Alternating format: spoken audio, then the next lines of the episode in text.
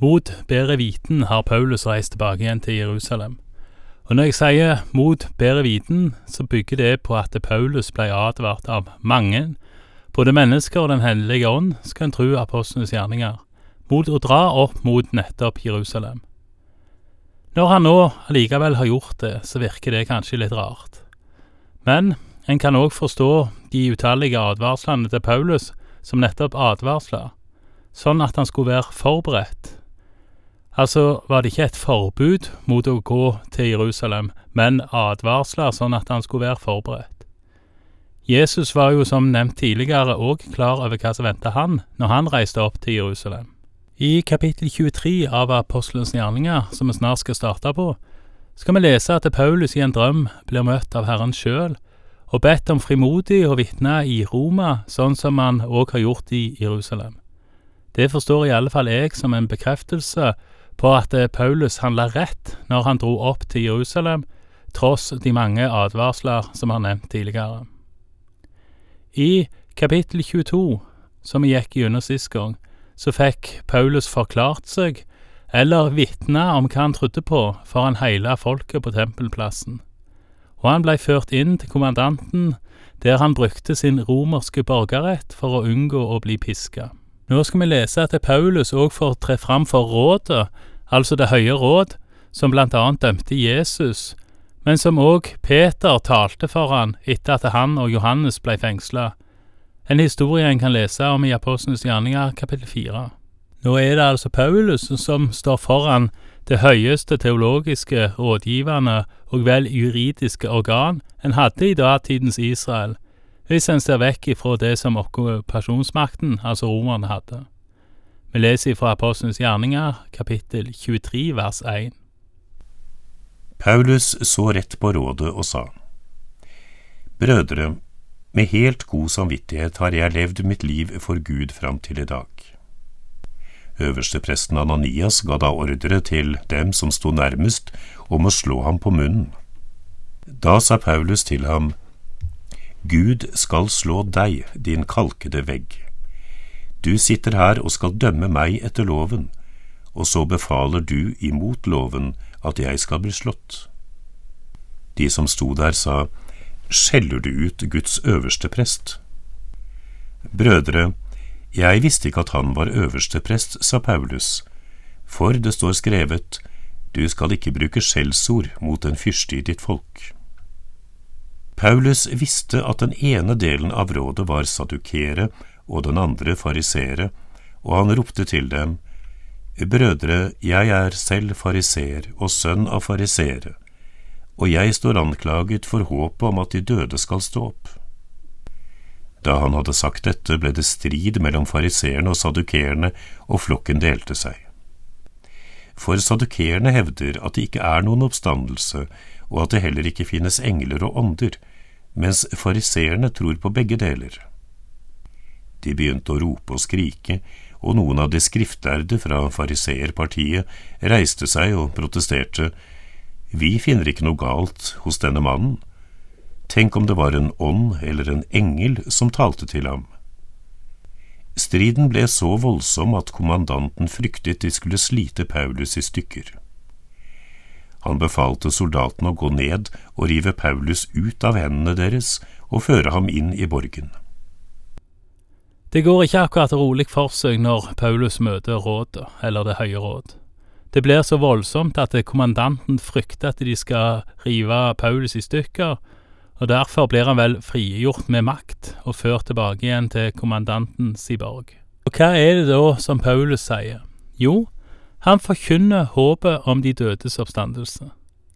Det kan en jo selvfølgelig mistenke Paulus for å gjøre for å skape splid, men på den andre sida, det er jo sentralt i evangeliet, og som vi har lest i store deler av apostlenes gjerninger, så starter Paulus oftest sin forkynnelse med å knytte an til det som er et felles utgangspunkt. Og her knytter han an til det som er et felles utgangspunkt for deler av forsamlingen, altså fariseerne som trodde på de dødes oppstandelse. Men, som vi òg ofte har sett, Paulus sin radikale forkynnelse, eller radikal forkynnelse fra Peter, Paulus eller en av de andre for den del, blir ofte møtt med ganske sterke følelser eller sterke affekter, enten positive eller negative. Det er lite likegyldighet å spore. I alle fall er likegyldighet ikke blitt beskrevet særlig i apostlenes gjerninger.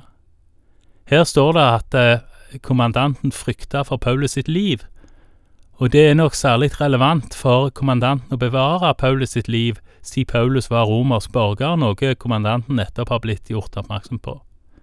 Vi leser videre om at Paulus blir møtt av Herren sjøl, fra vers 11. Natten etter sto Herren foran ham og sa, Vær frimodig, slik du har vitnet om meg i Jerusalem, må du også vitne i Roma. Der står ikke noe om at Paulus drømte, men der står at Herren viste seg for han. Oppfordringen ifra den Herre Jesus var klar. Vær frimodig, og slik som du har vitna i Jerusalem, skal du òg vitne i Roma.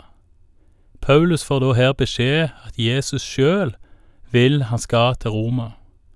Men som vi skal lese i resten av dette kapitlet, og i flere som kommer, så går det ei heil stund før Paulus kommer nettopp til Roma. Nå skal vi lese om en sammensvergelse mot Paulus ifra vers tolv. Neste morgen laget jødene en sammensvergelse mot Paulus. De sverget på at de verken ville spise eller drikke før de hadde drept ham. Over 40 mann var med i denne sammensvergelsen. Disse gikk til overprestene og de eldste og sa, Vi har sverget på at vi ikke vil smake mat eller drikke før vi har fått Paulus drept. Nå må dere og rådet anmode kommandanten om å sende ham ned til dere igjen. Lat som om dere vil granske saken hans nøyere, vi står klar til å drepe ham før han når fram. Imidlertid fikk søstersønnen til Paulus nyss om dette bakholdet, og han gikk opp i borgen og fortalte Paulus om det. Paulus sendte bud på en av offiserene og sa, Før denne unge gutten til kommandanten, for han har noe å fortelle ham. Offiseren tok ham med seg til kommandanten og sa, Fangen Paulus kalte på meg og ba meg føre denne unge gutten til deg. Han har noe å si deg. Da grep kommandanten ham i armen, tok ham til side og spurte, Hva har du å fortelle meg? Han svarte, Jødene har avtalt at de i morgen skal be deg bringe Paulus ned til rådet.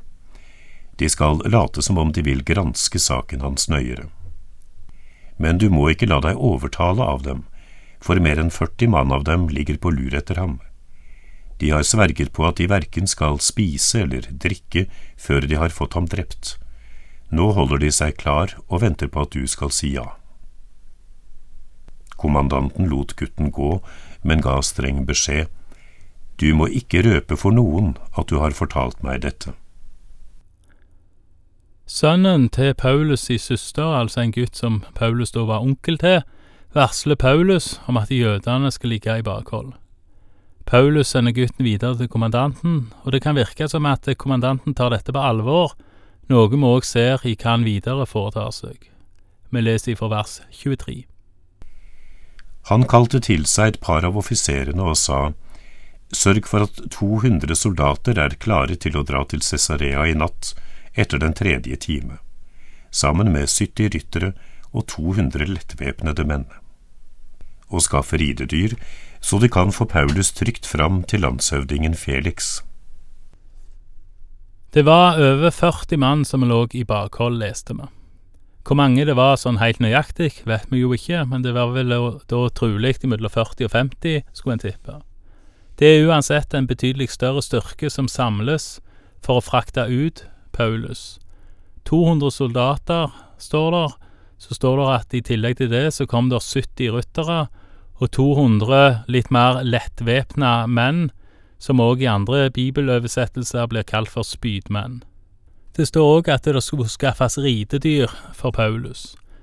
Som det framkom i vers 31, som vi snart skal lese, så var altså soldatene tenkt for å få Paulus trygt ut av byen, mens de 70 rytterne skulle følge han helt til Cesarea. Gitt at det var ca. 40-50 mann som lå i bakhold, så kan en vel ganske trygt påstå at de stilte med en betydelig større styrke når nå ca. 500 mann ble mobilisert for å ivareta Paulus sin trygghet. Legg òg merke til at det står at de reiste i den tredje timen på natta, altså ca. klokka ni om kvelden, skal en tro, og da vil det si etter nattens frembrudd. Med seg så fikk de et brev fra kommandanten i Jerusalem til landshøvdingen Felix, og vi leser om dets innhold fra vers 25. Så skrev han et brev med følgende innhold. Claudius Lysias hilser den høyt ærede landshøvding Felix. Denne mannen hadde jødene grepet, og de holdt på å slå ham i hjel da jeg kom med soldatene. Da jeg fikk vite at han var romersk borger, førte jeg ham i sikkerhet. Så tok jeg ham ned til rådet deres, fordi jeg ville ha rede på hvorfor de anklaget ham. Jeg fant ut at anklagen dreide seg om spørsmål i forbindelse med deres lov, og ikke gjaldt noe som fortjener dødsstraff eller fengsel. Jeg sender ham til deg fordi jeg har fått melding om at det er laget en sammensvergelse mot mannen. Jeg har også gitt anklagerne beskjed om at de får venne seg til deg i denne saken. Kommandanten i Jerusalem konkluderer vel her med at Paulus ikke fortjener verken dødsstraff eller fengsel ifølge romersk lov, som vi leste om i vers 29. Han sender han derfor til Felix i Cesarea for å beskytte Paulus, men òg for at resten av rettssaken skal foregå der. Vi leser videre fra vers 31. Soldatene utførte ordren og tok Paulus med seg for å bringe ham til Antipatris om natten. Dagen etter vendte de tilbake til borgen, mens rytterne dro videre med ham. Da de nådde Cesarea, leverte de brevet til landshøvdingen og førte Paulus fram for ham. Han leste det og spurte hvilken provins han kom fra. Da han fikk vite at det var Kilikia, sa han, Jeg skal forhøre deg når anklagene dine er kommet. Så ga han ordre om at han skulle sitte i varetekt i slottsborgen til Herodes. Paulus var fra Tarsus, som lå i den romerske provinsen Kilikia. Paulus ble sett i varetekt i påvente av at anklagene skulle komme. Som vi leser i neste uh, kapittel, kom anklagerne fem dager seinere, med øverstepresten Ananias i front. Mer om det seinere. Takk for i dag, og Herren være med deg.